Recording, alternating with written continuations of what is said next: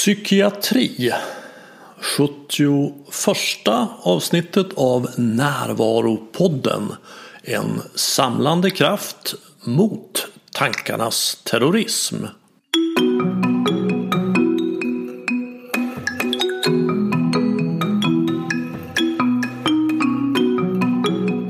Det här är Bengt Renander.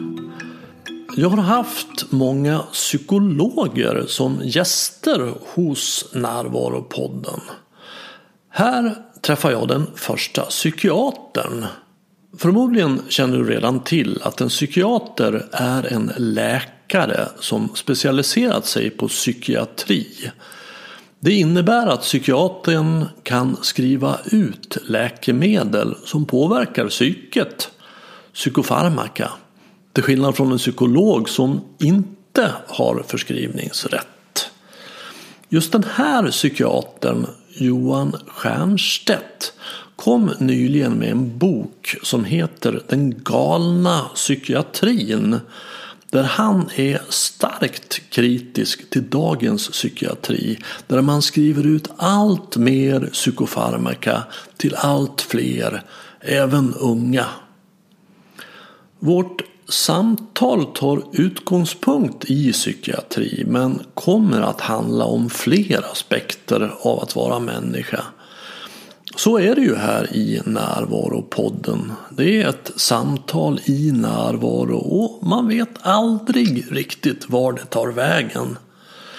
Det känns viktigt att betona att även om vi här framför en hel del kritik mot medicinering så är det också en välsignelse för många att det finns mediciner. Så sluta inte med mediciner efter att ha hört det här avsnittet. Tala i så fall med din läkare först. Jag och Johan pratar om kärlekens läkande kraft och om vad kärlek är. Om att komma i kontakt med något större än jag om sekulär andlighet, om att psykiatrin har att lära av tolvstegsprogrammet, om hur en andlig verklighet kan se ut, om vad man kan dra för slutsatser av en nära döden upplevelse, om att vara vaken i verkligheten, om att tro på saker av god anledning, om den dramatiska ökningen av bruket av psykofarmaka som en hälsofara. Om mysteriet i att vara människa. Om det finns en själ och om den i så fall överlever döden. Om kvantfysik säger något om andlighet. Om hur reinkarnation kan tänkas fungera. Här är Johan Stiernstedt.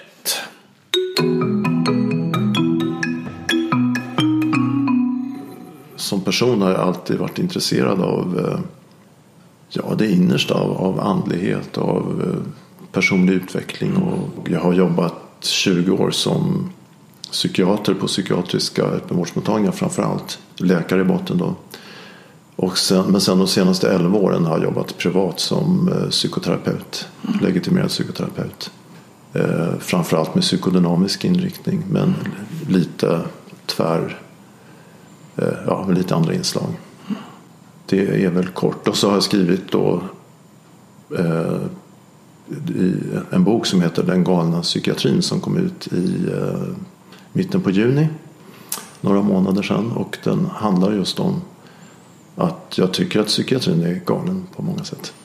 Så den är en sammanfattning av mina erfarenheter både som psykiater och som psykoterapeut. Och det är två väldigt olika yrkesroller.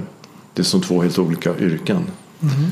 Fast jag fick ju yrket psykoterapeut utifrån en vidareutbildning som psykiater kan man ju säga. Men jag har egentligen bara trivts med mitt jobb de senaste 11 åren. Jag trivdes aldrig särskilt bra med att skriva ut en massa mediciner. Det gick egentligen från början emot mitt hjärta kan man säga. Mm.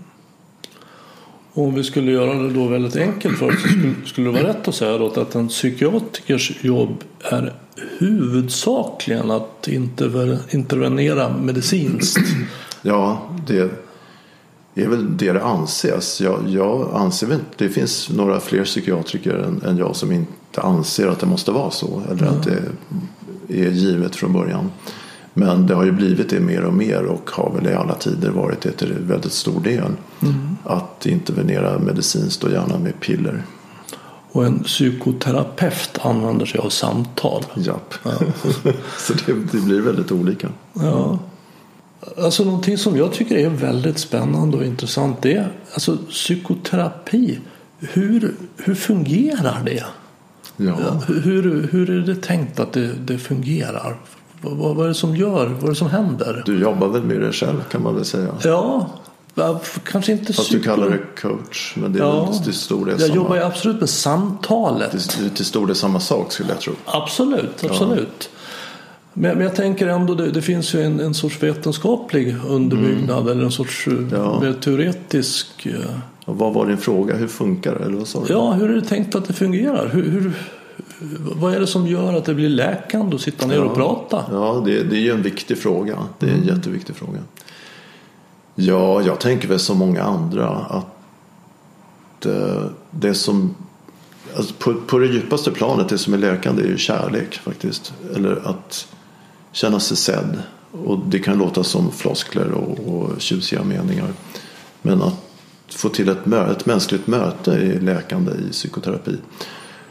Och i psykoterapi så handlar det ju bara om dig. Det är inte jag som ska vara huvudperson. I bästa fall så kan jag dela med mig av valda delar som, som är lämpliga. Men, men det är du som eh, klient som är huvudpersonen. Och i eh, de flesta sammanhang i livet så är det ju inte så.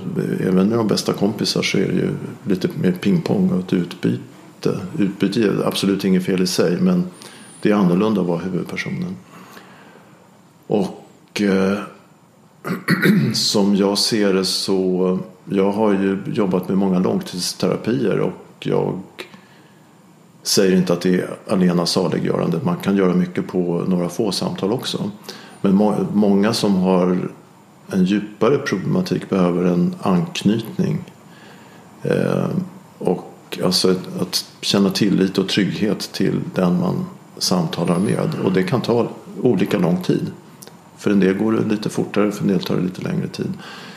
Men att få till den där tryggheten i eh, samtal, i samtalsterapi, i psykoterapi och få till den anknytningen kan man säga. Då, då får man lite grann en chans att göra om sånt som inte alltid fungerade i barndomen. Och om man då också får vara huvudperson och i, i den tryggheten så kan saker komma upp ur ens inre som annars inte alltid får komma upp till ytan. Som man kanske inte ens själv är medveten om att det finns där. Men i tryggheten i ett samtal i ett samtal där man känner sig trygg med en annan människa så kan man upptäcka saker om sig själv. Och man hör sig själv prata och oj, vad, vad är det jag säger?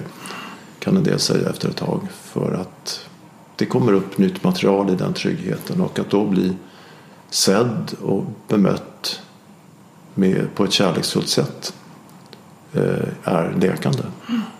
Det var ett långt svar på din fråga. Ja, men det,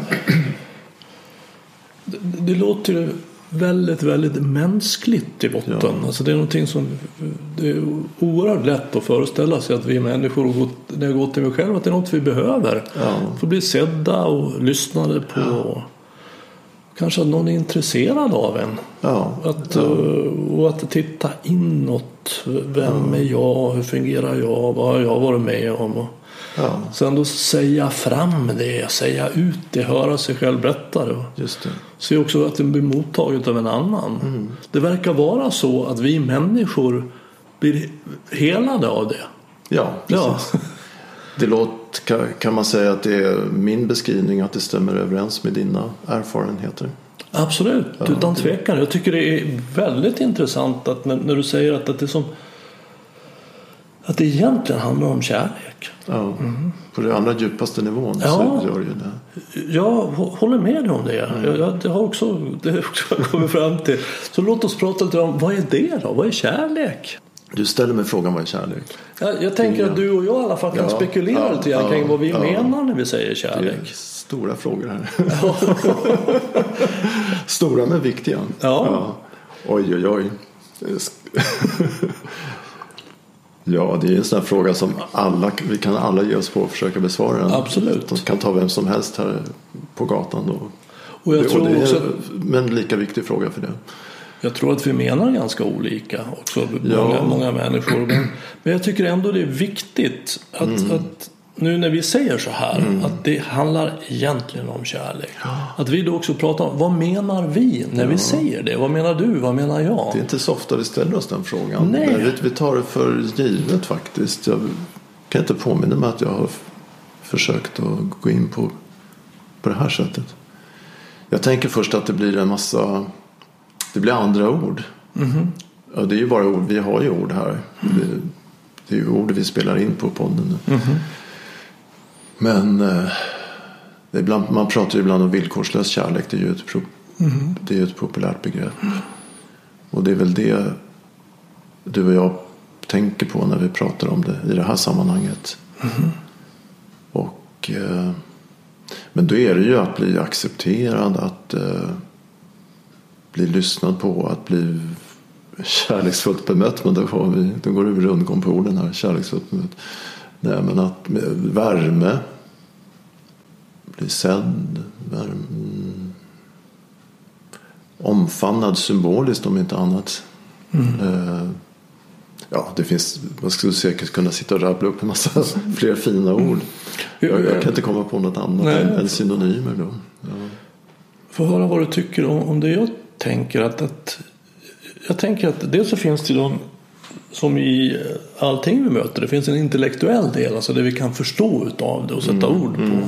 Och där skulle jag nog säga att kärlek är viljan till den andres utveckling och lycka. Jag vill din utveckling, jag vill din lycka. Mm, det, låter, det låter rätt. Och det, för om det är någonting de allra flesta människor är, är säkra på så är det att de älskar sina barn. Ja, Där, jag känner kärlek till dem, det vet jag. Om jag älskar min partner eller mina föräldrar. Och vad vill vi med våra barn? Jo, vi vill deras utveckling och lycka. ja, ja. Och vi är beredda att göra ganska stora umbäranden för att så ska ske. Alltså att eh, behöver du en njure, ja du, du får min. Det, det går bra. Så det är då mer den, den eh, logiska rationella delen. Men sen finns det också i kärlek någonting som är en upplevelse. Och upplevelser är ju alltid svåra att fästa i ord. Alltså även hur det känns att dricka te. Vi kan ju prata om te, vad Ja. te är. Och, men hur upplever man att dricka det? Det var lite det problemet jag, som kom för mig med en gång när du ställde frågan. Jag förstår det. ja. Jag förstår det. Och, och det, jag menar, det gör det ju för resten För, av för oss. de flesta, ja. ja. Men, men jag tänker så här. Att det, kärlek är den upplevelse vi kommer i kontakt med när vi är helt och hållet närvarande. Mm. Ja, men det, ja, apropå din podd. Var inte, Ja, exakt. Heter den inte så? Jag heter Närvaropodden. ja. Vad sa du? En upplevelse vi kommer i kontakt med när vi är helt och hållet närvarande. Ja, så? kärlek är den upplevelse vi kommer i kontakt med när vi är helt och hållet närvarande. Och syftar du på att då kan vi även sitta själva? Absolut. Ja. Mm. Vi kan vara ute i naturen. Eller egentligen vara vad som helst. Och vara närvarande. Och när vi kommer till den känslan så är det, finns det någonting där Ja. som jag skulle kalla för kärlek. Det ställer jag helt och hållet upp på. Och jag satt och tänkte här medan du pratade samtidigt att egentligen så tror jag att kär, alltså, det, det är det allt går ut på. Egentligen tror jag universum är uppbyggt av kärlek. Att eh, det låter flummigt men jag, jag tror att det är, jag tror att det är liksom eh, universum eller alltets eh, syfte och vilja med oss. Och det är därför jag tror att du upplever det, eller jag också, i eh, stunder av närvaro. För stunder av närvaro är också en, en, innebär också kontakt med något högre. Eh, eh, och nu kan man undra vad menar man med något högre? Jag, jag är inte religiös i traditionell bemärkelse men jag är övertygad om att det finns en, till exempel en andlig verklighet. Och jag är övertygad om att vi har en själ som överlever vår död. Och jag tror att det finns ett syfte och en mening med att vi är här på jorden för oss alla. Och det är därför jag pratar lite flummigt om universum och så. Men man kan, man kan översätta det med, de som vill kan översätta det med Gud eller med vad man nu vill. Men eh, jag tror att det är det vi kommer, jag, jag har också, jag har mediterat i väldigt många år. I många årtionden. Mer eller mindre regelbundet. Och, eh, så att jag tror jag vet vad du syftar på för upplevelse mm. vad det gäller närvaro. Mm. Och sen när vi är två människor som är närvarande tillsammans. Ja. Så, så blir det en väldigt stark upplevelse ja. av kärlek. Ja. Så, så många förknippar kärlek med liksom bara den här par, den romantiska kärleken. Mm. Men jag menar att det, det, finns bara en kärlek och det är kärleken. Ja, och jag tror att vi kommer mer i kontakt med den i närvaron. Mm, exakt. Och så finns det tekniker för mer närvaro som mindfulness och meditation och vad man nu vill kalla det. Eller, eller en del kan bara uppleva det spontant ute i naturen eller var som. Ja, och, och, det är inte bara det att vi kommer i mer kontakt med det med närvaro utan närvaro är en absolut förutsättning. Mm. Är jag inte närvarande så kan mm. jag heller inte vara i kontakt med upplevelsen av kärlek. I, I, min kartbild. Och då, och då i min kartbild ser vi då också mer i kontakt med alltet. Ja. Och vad man nu vill. Det är ju väldigt, det har vi ju alla kanske lite olika världsbild på. Mm. Men då tänker jag allt, just alltet. Ja, ja nej, men vi kan låta oss komma till det. För där tror jag att vi ser lite olika. Ja. Men det, det var spännande att göra det. Det skulle vara intressant att höra hur, hur kom du, alltså lite grann om din resa fram till den här punkten. Du, du utbildade dig till psykiater. Ja. ja. För du var intresserad av det inre. Mm. Hur är det att vara människa? Du hade en sorts existentiell ingång i det där. Det kan man ju kanske säga. Ja. Att, jag, att jag när jag hade gått ut läkarlinjen valde psykiatri ja, utifrån det. Ja. För det är två år till eller hur? Ja, det är att eh, först utbildar man sig till läkare i fem och ett mm. halvt år och sen så gör man en AT-tjänstgöring i två år mm. och sen eh, Sen blir man psykiater genom att helt enkelt jobba fem år inom psykiatrin. Jag skulle säga att det inte är så värst mycket utbildning. Det är några veckors, veckokurser. Mm. Och i bästa fall har man en bra handledare men det kan vara lite si och så i en stressad verklighet. Så att egentligen är, blir man psykiater genom att jobba fem år inom psykiatrin. Det är väl okay. den enklaste beskrivningen.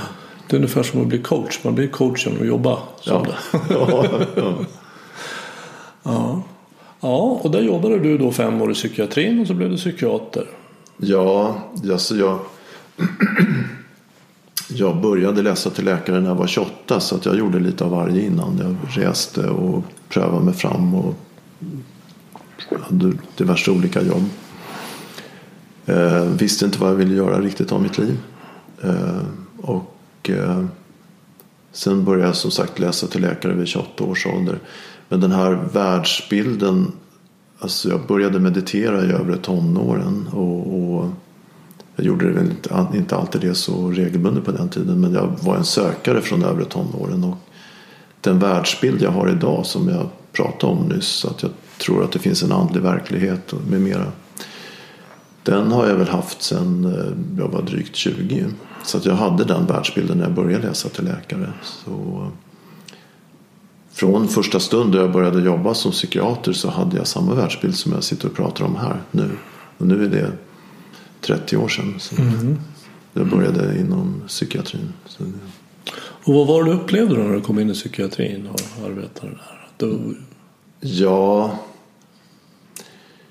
jag ska inte säga att jag, jag, jag, visste väl att allting inte var så där jättebra. Men det var nog sämre än vad jag hade trott. Och sen under de här 30 åren har jag också sett att saker har blivit försämrade helt enkelt. Och att läkarrollen har blivit, läkarrollen för 30 år sedan var något, eller psykiaterrollen var ändå något mer öppen för samtal och, och psykoterapi än vad den är idag skulle jag vilja påstå.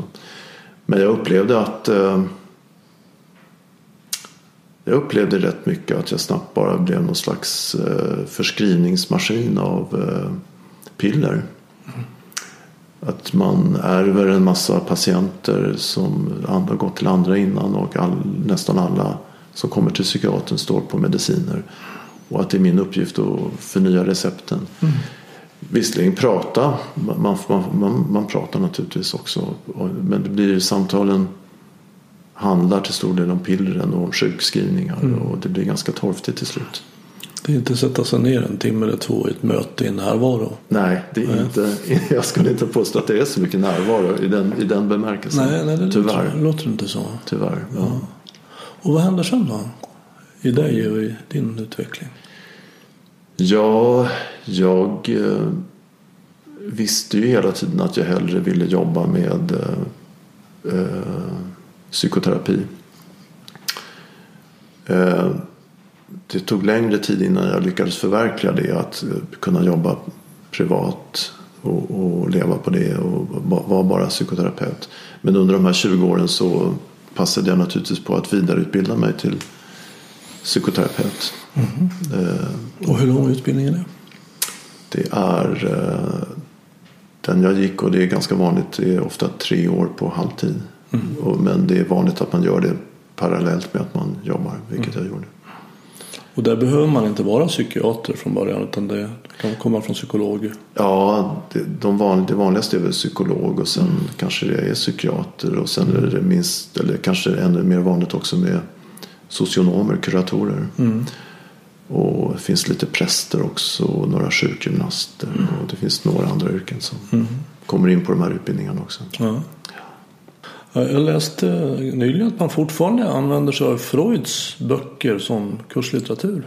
Jag såg den artikeln. Ja, Den skulle jag vilja säga var väldigt överdriven. Okej. Eh, Jag minns inte att det var så värst mycket Freud. Den, den var ganska vinklad åt ett visst håll den artikeln. okej. Eh, Det har naturligtvis hänt väldigt mycket sedan Freuds dagar. Det är ju hundra år sedan och mer. Eh, Och alla psykoterapiformer, inklusive psykodynamisk terapi som anses vila mest på Freud, så har ju naturligtvis utvecklats sedan dess. Psykodynamisk terapi har också influerats av andra terapiformer skulle jag säga. Liksom alla- KBT har ju också influerats av det psykodynamiska. Det psykodynamiska har nog på senare år i viss mån influerats av KBT till exempel. Och an- andra. Därför att det låter som att du är mer åt Jung. Ja, det kanske man kan Ja, säga. alltså att det han, finns han, en- han var ju elev till Freud. Så. Ja. Precis, men han bröt ju också med Freud. Att han, att han hade ju då ett mer andligt perspektiv. Ja, Och, och det har jag, som jag har förstått det, jag, jag är ju verkligen amatör på området, men, men så, så att det har man inte riktigt inom den psykodynamiska terapin. Det kanske man kan säga. Det ingår kanske inte i kurslitteraturen för psykodynamisk terapi. Men det är, jag skulle tro att många psykodynamiker är öppna för det här med något högre än jag till exempel. Och Det tror jag är väldigt vanligt. Jag kan tänka mig att det finns många som Alltifrån sådana som jag som är övertygade om en andlig verklighet till, till må- Jag tror många använder sig av begreppet att det finns någonting som är större än jag brukar många säga. Det tror jag är vanligt bland många psykoterapeuter inklusive psykodynamiska.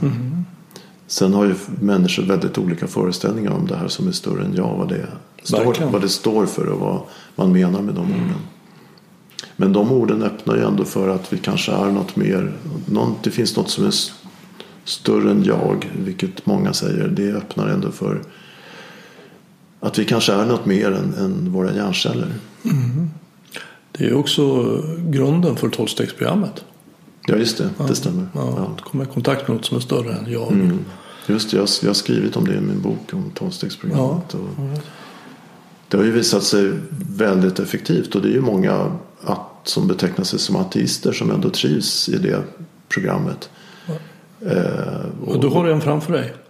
Ja, alltså, Jag är en nykter alkoholist. Jag har gjort Jaha. tolvstegsprogrammet och eh, jag trivs mycket bra i det. Ja. Men, så att jag har en sekulär andlighet.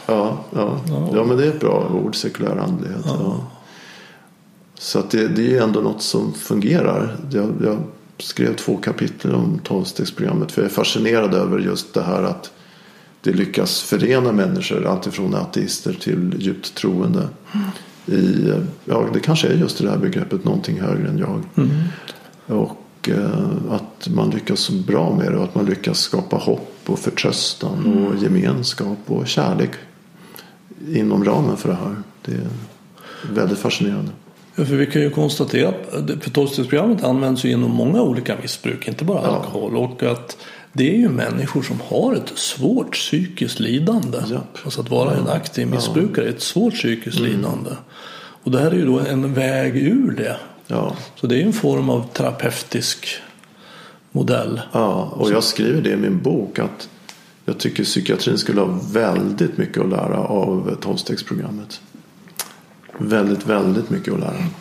Eftersom, kalla det vad man vill, sekulär andlighet eller eh, andlighet eller vad man nu vill sätta för benämning på någonting högre än jag så är det verkligen något som saknas inom psykiatrin. Vilket jag skriver om i boken.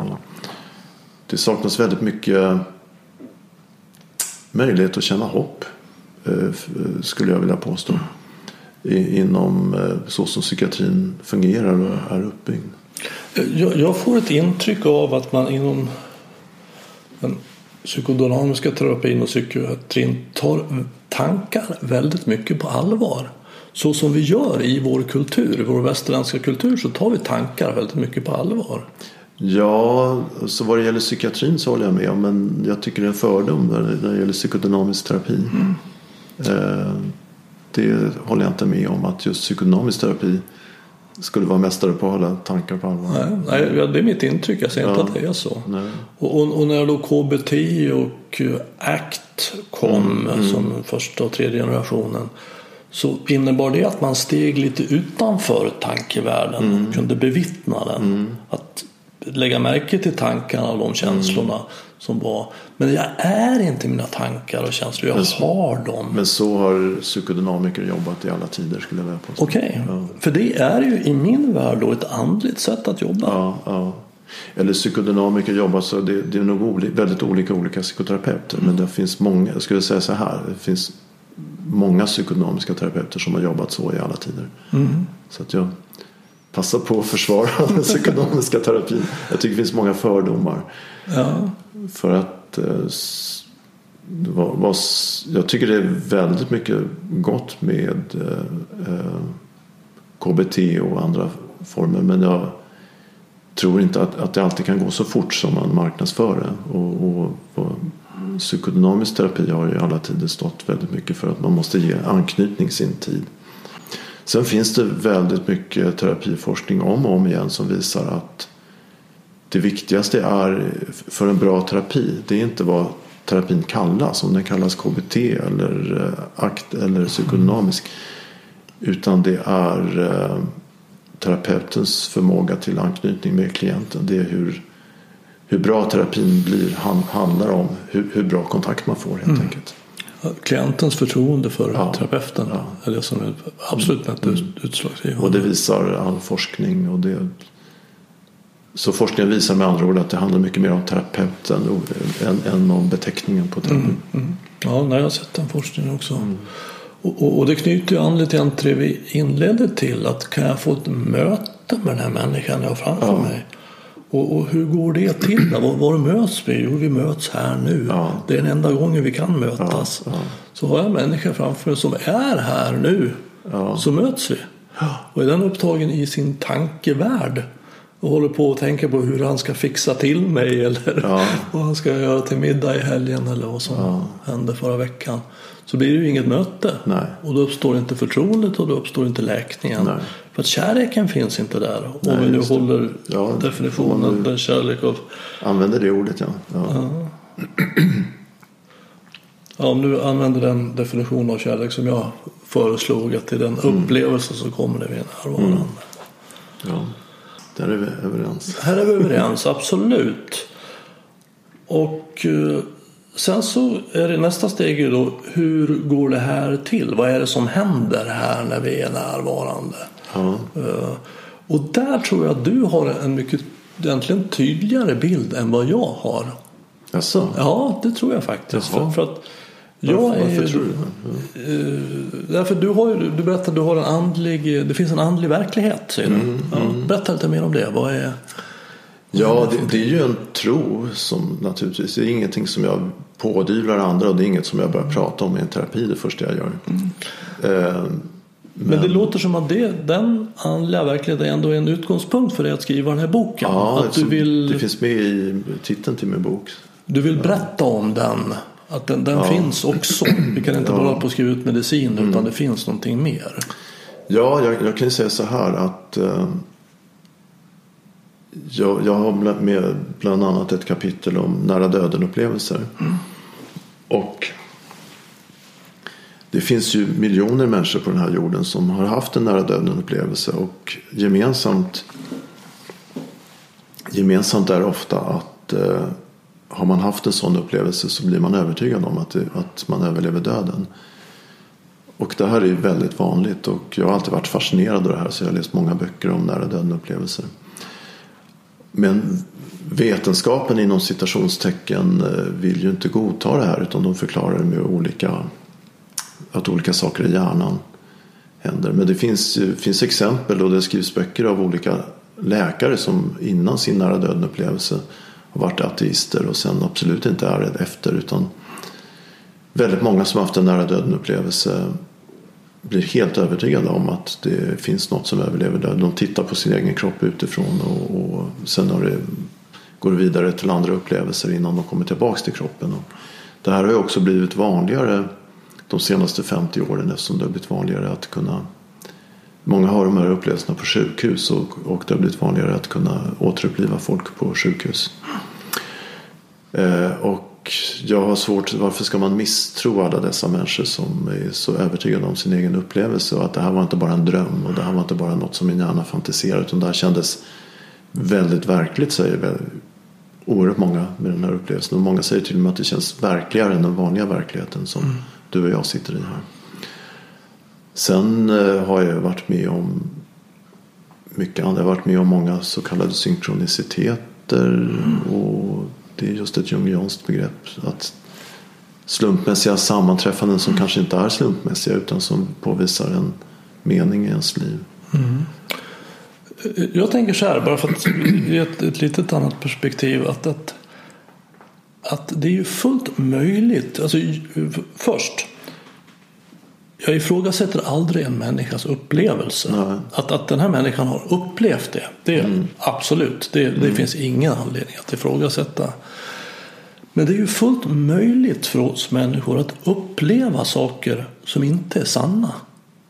Det gör vi hela tiden. Ja, Vi upplever saker som faktiskt inte har någon relevans i, i verkligheten. Så den intressanta frågan blir ju då att jag upplevde det och det var väldigt starkt. Men kan jag ta det till intäkt för att, att det finns ett liv efter döden? men jag tror att eh, jag håller med om att vi kan uppleva många saker som inte är sanna. Men det, då handlar det ofta till exempel om hur vi upplever en situation eller hur, hur jag upplever dig. Vilket kan vara helt fel. Jag kanske upplever dig på ett sätt som inte alls du skulle hålla med om. Och det, det är ju något som händer oss människor emellan väldigt ofta. Men jag tror att vi kan vara överens om att där står en bokhylla med några tallrikar i, i det här fallet. Och där är ett fönster. Och det, det betraktar vi som en objektiv verklighet. Och beskrivningen av de här nära döden upplevelserna är mer på den nivån skulle jag vilja säga. Att de som har varit med om det tycker att det är minst lika verkligt som att där står en bokhylla. Eh, Men, men vi, kan ju, och, och vi kan ju ta in då 400 personer till i det här rummet. Och om alla är överens om att det står en bokhylla här så är sannolikheten ganska stor att det faktiskt gör det. ja, ja, Men om bara jag ser en bokhylla då är det lite skumt. Ja, då, det, det är i alla fall svårt att bevisa att den Ja, finns där. Det, för det är möjligt för mig att se en bokhylla utan att det finns en där. Det är, om vi tar drömmar till exempel som ju kan vara väldigt påtagliga och starka. Så ändå när jag vaknar upp ur den här drömmen så har jag haft en upplevelse. Men jag skulle säga att den där hände inte i verkligheten. Den hände i min drömvärld. Skulle jag säga i alla fall. Det är sant, det skulle jag också säga. Mm. Ja. Och på samma sätt så är det möjligt att den här starka upplevelsen som då är under också i allmänhet sjukdom eller feber eller vad det nu är. Man håller ju på att dö faktiskt. Att, att, att det är en stark upplevelse men att den inte har någon liksom koppling i verkligheten. Nej, jag förstår. Så bevisproblemet finns där. Men jag tycker att det är väldigt liten öppenhet för att ta det mer på allvar. Och jag är av den åsikten att jag hoppas att framtidens vetenskap är mycket mer öppen än idag för att Mm. utforska det här. Ja. Så låt oss ta ett steg till då. Låt oss utforska det. Och, och, och vi säger att, att, att det, det är en, en upplevelse som står för någonting som är på riktigt. Ja. Vad, är, vad står det för då? Vad är det som är på riktigt? Vad är det som händer efter döden? Ja, i så fall så öppnar man sig för att vi kan ha en själ som överlever döden helt enkelt. Och vad händer då, då med, med själen? Vad, vad tar det vägen? Vad, Ja, vad, det är det för, vad är det för någonting som... vad är det vi tror på? Ja, det vad det många är- nära, nära döden-upplevare upplever är att de eh, går igenom en tunnel och sen ser de ett ljus på andra ändan. Och sen, beror sen må- många upplever att de kommer till det här ljuset och eh, att det är väldigt behagligt och underbart på olika sätt. Sen kallar man ofta, när man sen är tillbaka i sin kropp så kallar man ofta det här ljuset för olika saker beroende på kulturell bakgrund. En del kallar det för Jesus eller Gud, en del kallar, kanske kallar det för eh, Allah. Och en del kanske bara säger att det var ett underbart ljus. Eh, sen brukar ofta, och sen så är det vanligt med beskrivningar att möta döda anhöriga och uppleva det som oerhört verkligt. Men ungefär där brukar många dras tillbaks till kroppen. Men vi tänker, det finns ju också många som dör. Alltså de kommer inte tillbaka till kroppen. Nej, Jag tänk, tänker du att då är de kvar i det här landet Jag är, ingen, jag är ingen expert på, jag kan inte veta, jag vet verkligen inte vad som händer. Jag är väldigt nyfiken. Jag är verkligen ny, jag, jag får se när jag dör. Hade du sagt att du visste vad som hände då? Ja, så, så det förstår jag. Men, men jag menar, Den, så- den som man, dör får se. jag tänker ändå så här. Att när man tror på någonting. Mm. Så har man ändå en bild av vad det är man tror på. Det är det som jag är ute efter. För jag är ju så här. För mig, om jag ska ta min position så, så, som är intresserad av närvaro och, s- och det jag då kallar för sekulär andlighet är ju att jag vill leva i verkligheten. För jag ser ju hur min hjärna håller på. Jag är ju inte klok. Gud vad det håller på. Och, och tankar om en det ena, rädslor, begär, framtid, förflutet. Som är en ren drömvärld. Och många gånger en mardrömsvärld. Så min strävan är ju att vakna upp ur den. Vad vaknar jag upp till då? Jag vaknar upp till nuet. Vad händer här? Jo, verkligheten. Så att min, min väg går mot att, att vakna upp ur illusioner och vara här på riktigt. Ja, men jag kan ställa upp på allt du säger nu. Jag förstår det. Det är inte argument mot Nej, dig utan det är mer nej. att jag beskriver hur det ser ut för mig. Hur, jag, hur jag tänker. Så att jag vill inte tro på saker av dåliga anledningar. Nej. Att, att, att det står i en bok eller att någon har påstått eller sådär. Det är inte tillräckligt Nej. för mig. Och jag tycker inte att någon måste tro på en andlig verklighet som jag råkar göra. Eh, däremot så förespråkar jag att kunna öppna sig för möjligheten. Eh, och eh, vad, vad som för att anknyta till psykiatrin så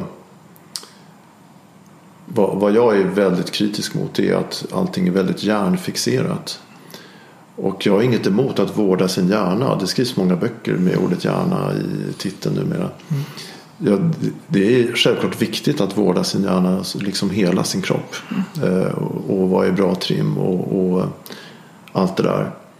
Men psykiatrin bygger på en, ett paradigm, en sån här grundförutsättning att eh, tankar och känslor uppstår i hjärnan. Och det vet vi inte. Vi vet faktiskt inte att det, det är bara en tro att tankar och känslor uppstår i hjärnan.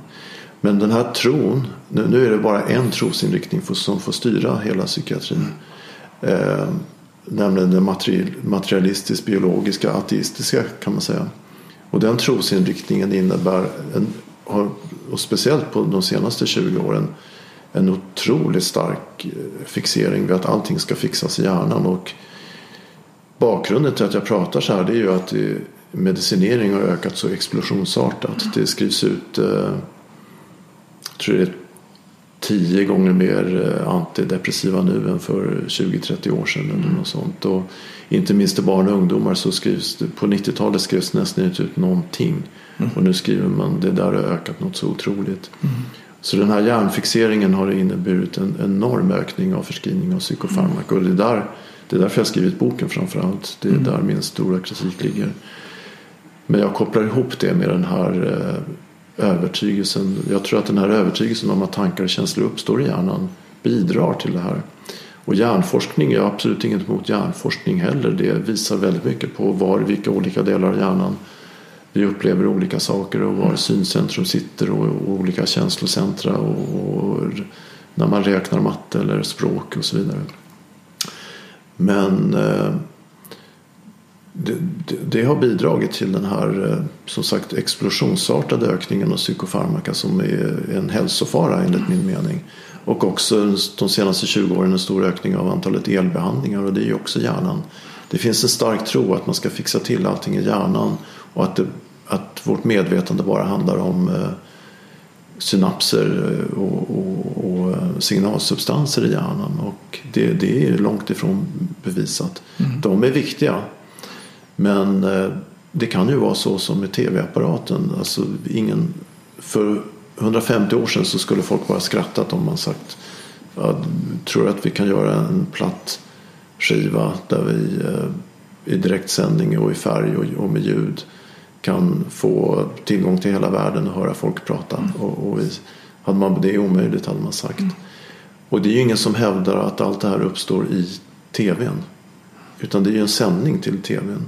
Och vi vet ju faktiskt inte om vi öppnar oss för att det finns något högre än vi då kan det också finnas, då vet vi inte var våra medvet, våra tankar och känslor kommer ifrån. Eh, vi vet det är faktiskt ingen som har en susning om eh, hur det kommer sig att vi har ett medvetande. Det finns ingen forskare som ligger ens nära en kunskap om varför vi är medvetna. Och eftersom vi inte vet att varför vi har ett medvetande så vet vi inte varför vi har tankar och känslor. Om vi då öppnar oss för att det kan ju vara någonting om vi till exempel har en själ eller om det finns ett, en del pratar om kollektivt medvetande som vi alla kan koppla upp oss till. Eh, Eh, så kanske det är någon slags sändning till hjärnan ungefär som man sänder till tvn. Och då handlar det inte bara om att fixa till hjärnsynapser eh, som det har blivit som den nuvarande tron jag upprepar den nuvarande tron säger som får härska och dominera nu och, och som som sagt det har blivit en hälsofara. Eh, utan då, då öppna, om man öppnar sig för något högre där så öppnar man sig också för psykoterapi och samtal och möten och kärlek och mänskliga möten. Mm. Ja, spännande. Jag, jag delar helt din bild av att, att det här väldigt mekanistiska synsättet. Att ja. vi, vi, vi, vi, ser hjärnan som en sorts kemifabrik som vi då Precis. tar in nya substanser i. Ja. Så att det blir en mekanisk förändring. Alltså, ett sätt att förstå en alkoholist är att en person som själv medicinerar med alkohol. Mm. Han använder mm. alkoholmolekyler för att mm. påverka signalsubstanserna i hjärnan. Och döda. Ja, precis. Och, och, att, att vissa då, ja, man skriver ju ut eh, narkotiska preparat på recept. Och andra köper sina narkotiska preparat på plattan. Väldigt mycket om det här handlar om bedövning skulle jag vilja Verkligen. Ja. Så, så att, och, och att det inte, det, det, det bearbetar symptomen men det löser inte problemet. Mm. Att inte bara liksom stoppa saker i munnen för att känna annorlunda. Mm. Utan vi, vi, kan, vi behöver också mötas. Det finns en väldig läkning i, i närvaron i att vara människa. Och det är ett stort och djupt mysterium. Absolut. Verkligen. Det, ordet mysterium ställer jag helt Ja, verkligen. Ja, verkligen. Och, eh, men sen nästa steg. För vi säger så att vi vet inte hur det går till. Nej. Jag, tar med det. Och jag stannar där. Mm. Jag, jag, jag, vet inte hur medvetandet går till i hjärnan. Mm. Mm. Och att, att om, om, om någon skulle säga att det är, hjärnan är mer som en mottagare. Mm. Som till exempel en tv. Det finns en sändning någonstans mm, mm. där jag tar emot. Då behöver jag höra Okej, okay, berätta, hur hänger det där ihop? För att om jag ska tro på det, mm. och det är fortfarande tro, mm. men om jag ska tro på det så vill jag ha en god anledning mm. till det. Men jag kräver inte att du ska tro på det. Ja, det förstår jag. jag, för, jag det är inte riktat mot dig nej, igen. Jag, jag, jag förespråkar att öppna sig för det. Ja. Och sen, sen är det ju en vi, vi jobbar delvis med liknande saker har jag förstått. Att, att möta människor i samtal. Men eh, en skillnad mellan dig och mig är ju att jag har, varit, jag har jobbat 20 år in med att skriva recept. Och eh, varit mer och mer frustrerad över vad jag gjorde. Så att, vilket gjort att jag skrivit den här boken. Och, eh, så jag har ju en slags patos nu för att, för att eh, kritisera psykiatrin. För att eh, efter, eftersom jag som jag sagt det håller på att bli eller det är en stor hälsofara i nuvarande mm. som det är nu med alla dessa mediciner och det är också läkemedelsindustri bakom som, som är intresserade av att det förskrivs mer och mer. Det finns många krafter i det här. Men eh, jag eh, Ja, men, nej, men mina erfarenheter efter att ha jobbat länge i psykiatrin gör att det för mig känns angeläget att eh, titta på det och kritisera det och, mm. och, och skärskåda det. Mm. Och, och, där är jag helt med dig, för jag skulle nog snarare säga att det är en likhet vi har. För jag har jobbat i 20 år med att inte skriva recept. Ja. utan att göra det här som du efterlyser. Att, att ja. vara här och, och möta människor. Och, och jag ser kraften i det. Ja, jag har jobbat eh, jag jobbade ju lite med det, jag försökte jobba under de 20 åren men de senaste 11 åren har jag fått jobba med att möta människor. Ja, och, hur starkt det är och hur, hur ja. värdefullt och läkande det är. Mm, verkligen. Och, det fungerar verkligen inte för alla alltid då, nej, men, men för många ofta. Ja. Och, jag, och, min erfarenhet genom de här 20 åren är just det här hur otroligt viktig närvaron är. Mm. Att få mötas. Håller med. Och den, den är, det är verkligen läkande. Ja. Så där är vi helt överens. Alltså jag, jag, jag känner att, och, och, men sen, sen tar du ett steg till. Ja. Eh, och, och, det tycker jag, jag är öppen för det. Jag tycker ja. det är spännande. Ja. Men jag bara tycker att det, det är, kan vara värdefullt att, att visa att man kan ha olika positioner i det här. Och, och, så att man inte behöver köpa saker i paket. Oh Utan man, man kan hitta sin egen position. Mm. För det finns ju de som säger till mig när jag berättar att jag jobbar med närvaro och medvetenhet. Det låter flummigt säger de. Då säger jag att du, det här är motsatsen till flummigt. Mm. Jag är ute efter att ta reda på vad som händer i verkligheten. Mm. Så för mig är ju den vetenskapliga metoden en väldigt god vän. Mm. För den håller på med samma sak. Den är på samma resa. Att ta reda på vad händer på riktigt. Men, men, men det är också så att du ställde mig frågan, vi pratade om den här eh, bokhyllan, att vad är verklighet? Mm. Det är ju faktiskt också det du och jag jobbar med, det mänskliga mötet och närvaron eh, och kärleken i det är ju inte som bokhyllan. Nej. Vi, vi, kan inte bevisa det. Vi kan inte bevisa för någon kritiskt tänkande hur, vad som är läkande i de möten vi upplever.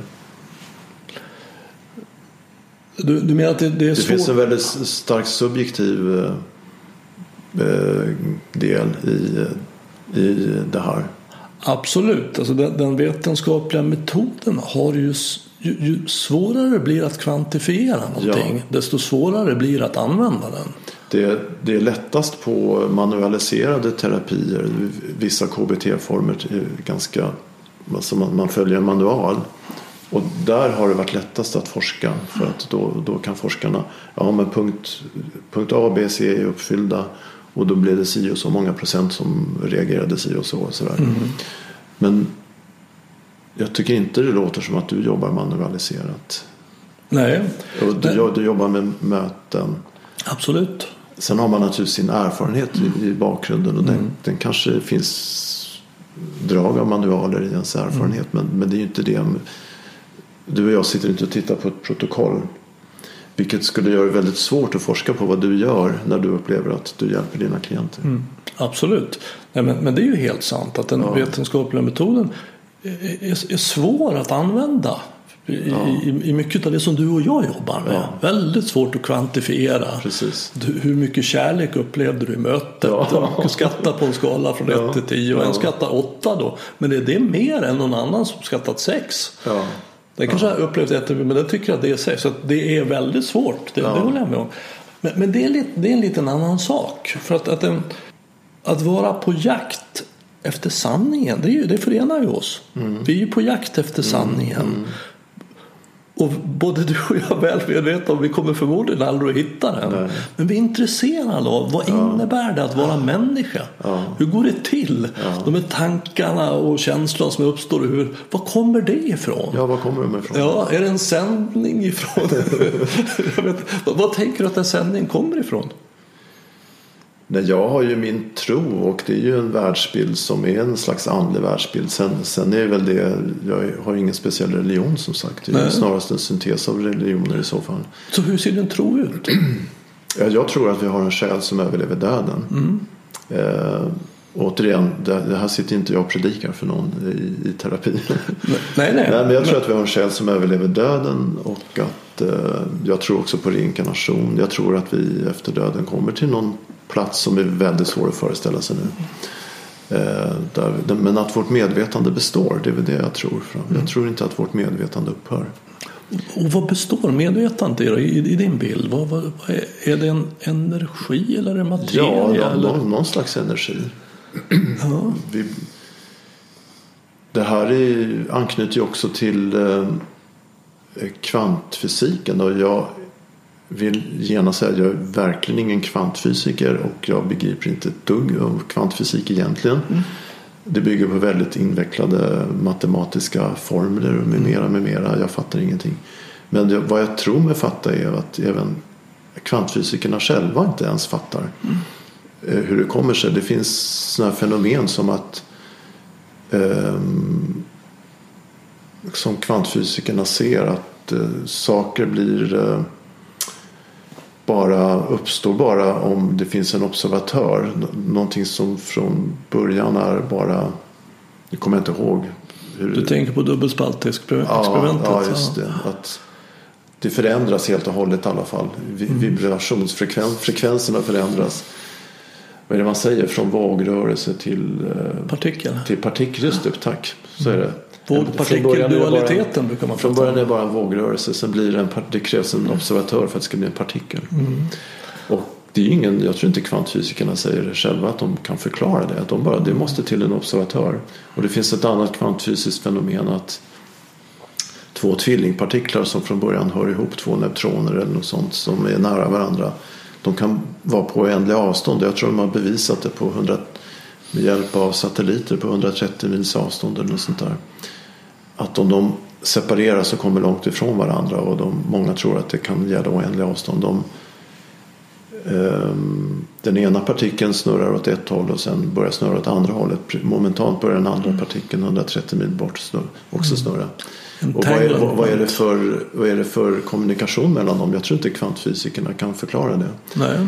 Och vad jag skulle komma till är att jag tror också att många kvantfysiker faktiskt är inne på att väldigt mycket i vår värld består av olika vibrationsfrekvenser. Att en, en, eh, en del ser det som att det här bordet är en slags koagulerad eh, vibration, trög vibrationsfrekvens. Att tittar man på det så är bordet mest tomrum fast jag kan knacka på det här och uppleva det väldigt som solid. Och eh, så att det här med vad som jag tror överlever döden det är en annan vibrationsfrekvens tror jag. Men jag kan inte förklara hur den fungerar. Som, som vibrerar på en helt annan nivå. Ja, nej, jag, jag begär inte att du ska förklara det, för det hade varit mycket. Men, men utan mer att beskriva vad du tror på. Och så är det ju också med det sändningen till tvn. Det är en viss vibrationsfrekvens som kommer till tvn. Ja. Ja. Vad jag vet att kvantfysiker brukar säga så här att, att vi vet inte hur det går till. Nej, där, Ännu så där, länge. Där är man överens. Men, men det är ju inget bevis på att det är andra saker som vi inte vet hur det går till. Men jag vill säga att, att jag, jag, jag känner till att det, är, det finns en del kvantfysiker som är väldigt skrivna. De, de blir nog arga när de, om de skulle höra mig prata. Så att man ska inte ge sig in på deras område. Och de vill verkligen hålla sig till den traditionella vetenskapen. Men jag känner också till att det finns kvantfysiker som öppnar sig mer och mer för eh, att kunna se likheter mellan det andliga perspektivet och kvantfysik. Det finns absolut sådana också. För jag tänker mig att, att livet är mer som ett ljus. Alltså det är, det är en energiomsättning här i kroppen, mm. stearinljus. Och sen när vi dör så blåses det här lågan ut. Var tar lågan vägen? energin är oförstörbar, säger mm. termodynamikens första huvudsats. Så, så den, den, den, försvinner inte. Den finns kvar, men lågan är för alltid borta. Och jag tror Bengt att du är, du är uppbyggd. Du är lågan nu och varenda mm. cell i dig är uppbyggd av denna låga. och du skulle inte kunna tänka och känna och ha ett medvetande om inte den lågan fanns i varenda cell i dig. Och sen tror jag att när du dör mm. så släcks inte den lågan utan den vandrar vidare mm. utan kroppen. Absolut, och, och, där är ju då skillnaden. Mm. För att jag, jag menar att en låga på stearinljus som man blåser ut, den är borta. Mm. Den kommer aldrig tillbaka. Den kommer inte att, åker inte upp till några lågor någonstans och sen tänds ett nytt stearinljus. På, det, det, är inte den lågan. Till den stora brasan där uppe i. Ja. ja. Nej, men det är bra att liksom få hitta mm. fingret på vad det ja. finns för skillnader. Vad man ja. kan tro på. Vad, och, och, där är ju en väsentlig skillnad. För jag är öppen. Alltså, mm. Om jag skulle hitta bra anledningar att tro på det då skulle jag göra det. Mm. Jag är inte så identifierad med Men vad jag också har när jag tänker på det här att, att jag skulle på något vis finnas vidare efter jag dött och, och också återfödas i en annan form eller en annan mm. människa. Det, ingår det i vad du tänker? Ja. Så då tänker jag så bara, väldigt praktiskt sak. Är det jag nu när jag är 62 eller är det när jag var 35 eller är det när jag dör eller när jag var liten? Vem, vilken, för jag är ganska olika. Mm. Jag tror att du um, utvecklas för varje liv. Okej. Okay. Så att du tar med dig det. Du kanske inte tar med dig kunskapen om vad uh, Burmas huvudstad heter. Nej, det har jag faktiskt inte gjort. Nu, heter, inte landet Burma heller för den delen längre. men, men du tar med dig erfarenheter av eh, vad det innebär att vara människa. Mm. Och, och, eh, egenskaper som ödmjukhet och kärlek och, och de här viktiga egenskaperna. Mm. Utvecklar du för varje Förhoppningsvis så, så har vi mer av det nu i 60-årsåldern än eh, när vi var unga för att vi har varit med om olika erfarenheter och det tror jag du tar med dig. Så det är mer 62-åringen som återföds? Ja, det, det tror jag. Mm. Men om jag, jag säger att jag blir 85 när jag dör. ja.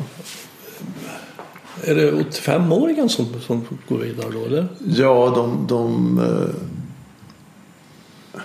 de, de viktiga egenskaperna återigen som kärlek, ödmjukhet, eh, vidsynthet, eh, mm. tolerans vad ger att, det Att 80-åringen kanske har börjat bli lite, få dåligt minne eller rent av mm. dement tror jag inte är så viktigt i det sammanhanget. Mm. Utan det, det finns ändå, man har lärt, förhoppningsvis lärt sig på livsresan en hel del av, av det som är viktigt. Så det spelar ingen roll om den här människan är väldigt dement och kommer inte ihåg någonting, kan inte känna igen sina nära och kära ens? Nej, jag tror att det fixar till sig. Vad ger det dig att tro på det? Vad, vad, vad får, du, vad får du tillbaka av den tron? Eh, en tillit till livet, en slags trygghet och jag kan redan höra någon kritiker säga att dessa religiösa människor de, deras eh, falska tillit och sånt där. De vågar inte se vår jobbiga verklighet i vitögat. Men eh, för mig är det en, eh, inte bara tillit och trygghet utan också mening, meningsfullhet och hopp. Mm. Och att det finns en mening. Jag tror inte att allting som händer är en slump. Mycket kanske är en slump men jag tror som sagt på det här jungianska synkronicitet. Att det finns, det finns en djup mening i väldigt mycket av det som sker. Mm. Och det, det är vad det ger mig. Men sen vill jag säga så att jag vill komma tillbaka till det här att boken jag skrivit så utifrån mina erfarenheter av psykiatrin som jag då har varit i länge så kändes det viktigt att hitta en fundamental punkt där kritiken blir viktig. Och det är just det här, jag återvänder till det här, det är ett folkhälsoproblem att det skrivs ut så väldigt mycket psykofarmaka. Och att, och att det blir svårare och svårare att få samtal. Det har jag erfarit under min tid också. Att det, det var lättare att få psykoterapi för 20 år sedan än vad det är idag. Förutom de här kanske 5-10 på vårdcentralen som ofta inte räcker. Men med det sagt eh, så eftersom det skrivs så väldigt mycket psykofarmaka så är det som sagt min övertygelse att den här tron att allting bara uppstår i hjärncellerna det är där det har gått snett. Och, och, och ledande auktoriteter inom psykiatrin har nog den tron. Och då, det har bäddat för mer och mer piller och elbehandling och hjärnfixering. Mm. Och därför så är det viktigt att öppna sig för, inte att börja tro, men att öppna sig för att vi inte vet. Och det, jag har ett helt kapitel som heter Allt vi inte vet. Mm. Det är viktigt att öppna sig för allt vi inte mm. vet. Och det, tror jag det skulle kunna vara ett långt kapitel.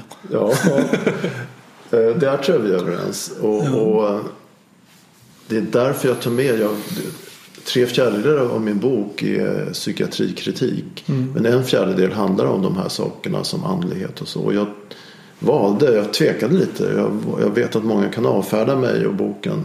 Ja, det där är bara flum. Men jag valde att ta med det just för att jag tycker det här är så viktigt. Mm. Allt vi inte vet och att öppna sig för att vi vet faktiskt inte att, om det är så att tankar och känslor uppstår i hjärncellerna. Mm. Och att jag tyckte det var väldigt viktigt att ha med för att öppna upp för just det här andra som du och jag är överens om. Det, psykoterapi eller du kallar det coachning och det har ingen betydelse vad vi sätter för etikett. Mm. Men att öppna upp för det mänskliga mötet mm. och samtalet. Så, mm. ja. Absolut. Nu har jag suttit och predikat här ett tag. Ja. Nej, men, men det är som vi sa inledningsvis att det finns mycket som förenar oss och sen så tar du ett steg till ja. jämfört med mig. Mm. mm. Och eh, och, vad får jag ut av det då? Jag får i alla fall ut någon sorts illusion, en sorts självbild av att jag är en sanningssökare mm. som vill tro på saker av god anledning. Ja. Det tror jag är en självbild som jag ja. vårdar ömt. ja. så, att, så att jag vill inte tro på saker av, av dåliga anledningar. Men vill... Att vara en sanningssökare är ju inte det sämsta. Absolut inte, för det är du också. Ja, det är du absolut. också. Men, men du kräver lite mindre bevis än vad jag gör. Alltså, problemet är ju att det är ledande auktoriteter inom psykiatrin pratar och beter sig som om de vet att tankar och känslor uppstår i hjärnan. Mm. Och det är där problemet är, ligger. För att de vet inte. Men jag tycker ofta att de sprider illusionen av att veta. Mm. Och då har de totalt glömt bort att de har ingen susning om hur det kommer sig att vi har ett medvetande. Eh, och det är där problemet ligger. Att, att vi, det är en trosinriktning som styr hela psykiatrin. Mm.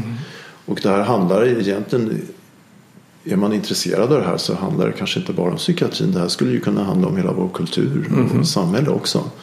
I, att, och den trosinriktningen styr väldigt mycket i vårt samhälle mm. nu. Men inte, nu råkar jag, mitt handla om psykiatri. Men de erkänner inte själva att det är en tro. Nej. Det är bara en tro. Men det erkänns inte utan det har väldigt mycket täckmantel av någon slags vetande. Mm. Det är sant att de befinner sig i en vetenskaplig tradition och har forskat på hjärnceller. Och det har jag inget emot. Men man, måste, man behöver erkänna att det fortfarande är tro. Eller jag förnekar inte alla framsteg eller hjärnforskning och talcentrum sitter här och så vidare. Absolut, det är jätteintressant. Men, men det behöver erkännas att grundförutsättningen, eh, paradigmet för dagens psykiatri är en tro att tankar och känslor uppstår i hjärnan. Och det är där jag sätter in min kritik. Mm, ja, men det, det, är en väldigt bra plats att sätta in den tycker jag. Ja. För att, att vi får komma ihåg att vetenskap är inte en uppsättning sanningar. Nej. Utan vetenskap är en metod att ja. ta reda på vad, vad vad, vad, finns det god anledning att tro på? Och jag har inget emot den metoden. Men, men man, man, behöver, man behöver vara lite mer ödmjuk för att man väldigt länge håller sig till tro och inte vetande. Ja, men vi håller hela tiden kommer vi till en tro. Ja. Alltså vad har vi bäst argument för att tro på för närvarande? Mm. Sen så den vetenskapliga metoden ifrågasätter vi ju hela tiden. Vad är det som talar för att det här inte är sant? Ja. Och så går man vidare och sen växlar det. Jag menar, det vi håller för sant idag är ju inte alls samma sak som för 100 år sedan, 50, ens 20 nej, år sedan nej. inom många områden. Och, och det där är också viktigt att ha. Det är så lätt att stirra sig blind på vad man tror är sant idag. Ja.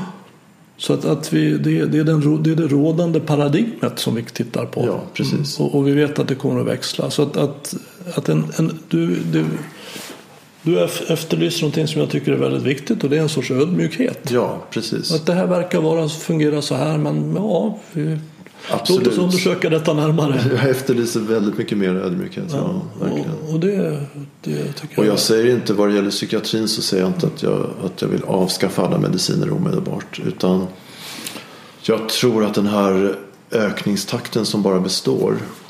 Den skulle kanske stanna av och kanske, kanske skulle börja minska igen om, eh,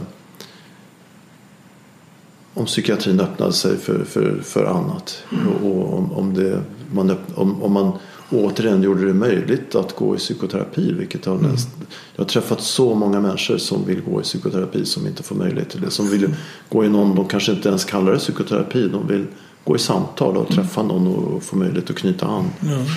Och det, den möjligheten har bara blivit mindre och mindre i psykiatrin efter tiden har gått. Nej, för tar vi det steg, steget så är det inte speciellt flummigt. Att, att vi Nej. ef- eftersträvar att, få, få, att en människa som mår psykiskt dåligt inte bara ska få stoppa i sig ett preparat utan också att få komma och träffa en annan människa Ja. och ha ett existentiellt möte. Det är så det, är så det har blivit. Att, Ja. att, att man, man får mindre och mindre möjligheter till det. Utan det blir mest piller. Ja, så att eh, det är ju inte speciellt flummigt.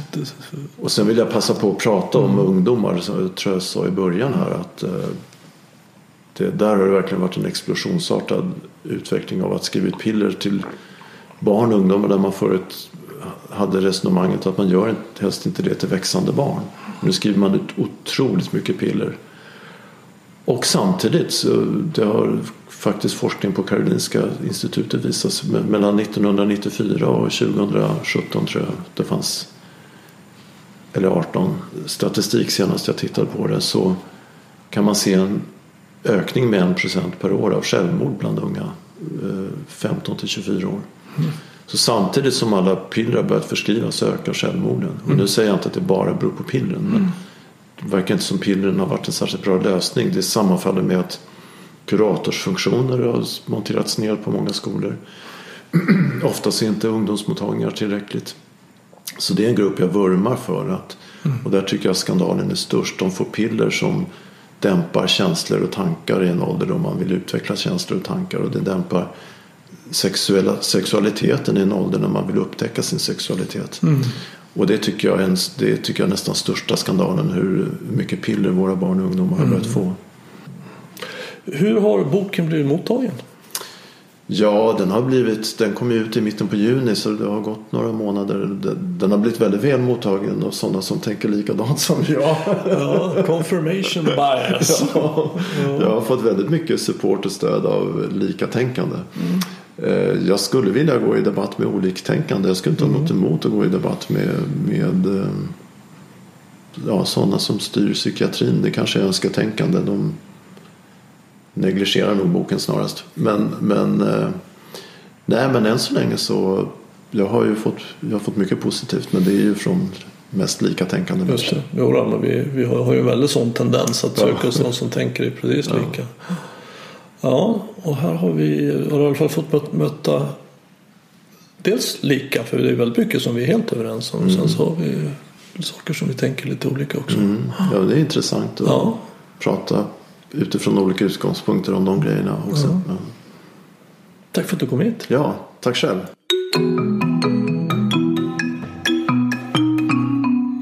Om du vill köpa Johans bok Den galna psykiatrin så finns den till exempel på Adlibris och Bokus.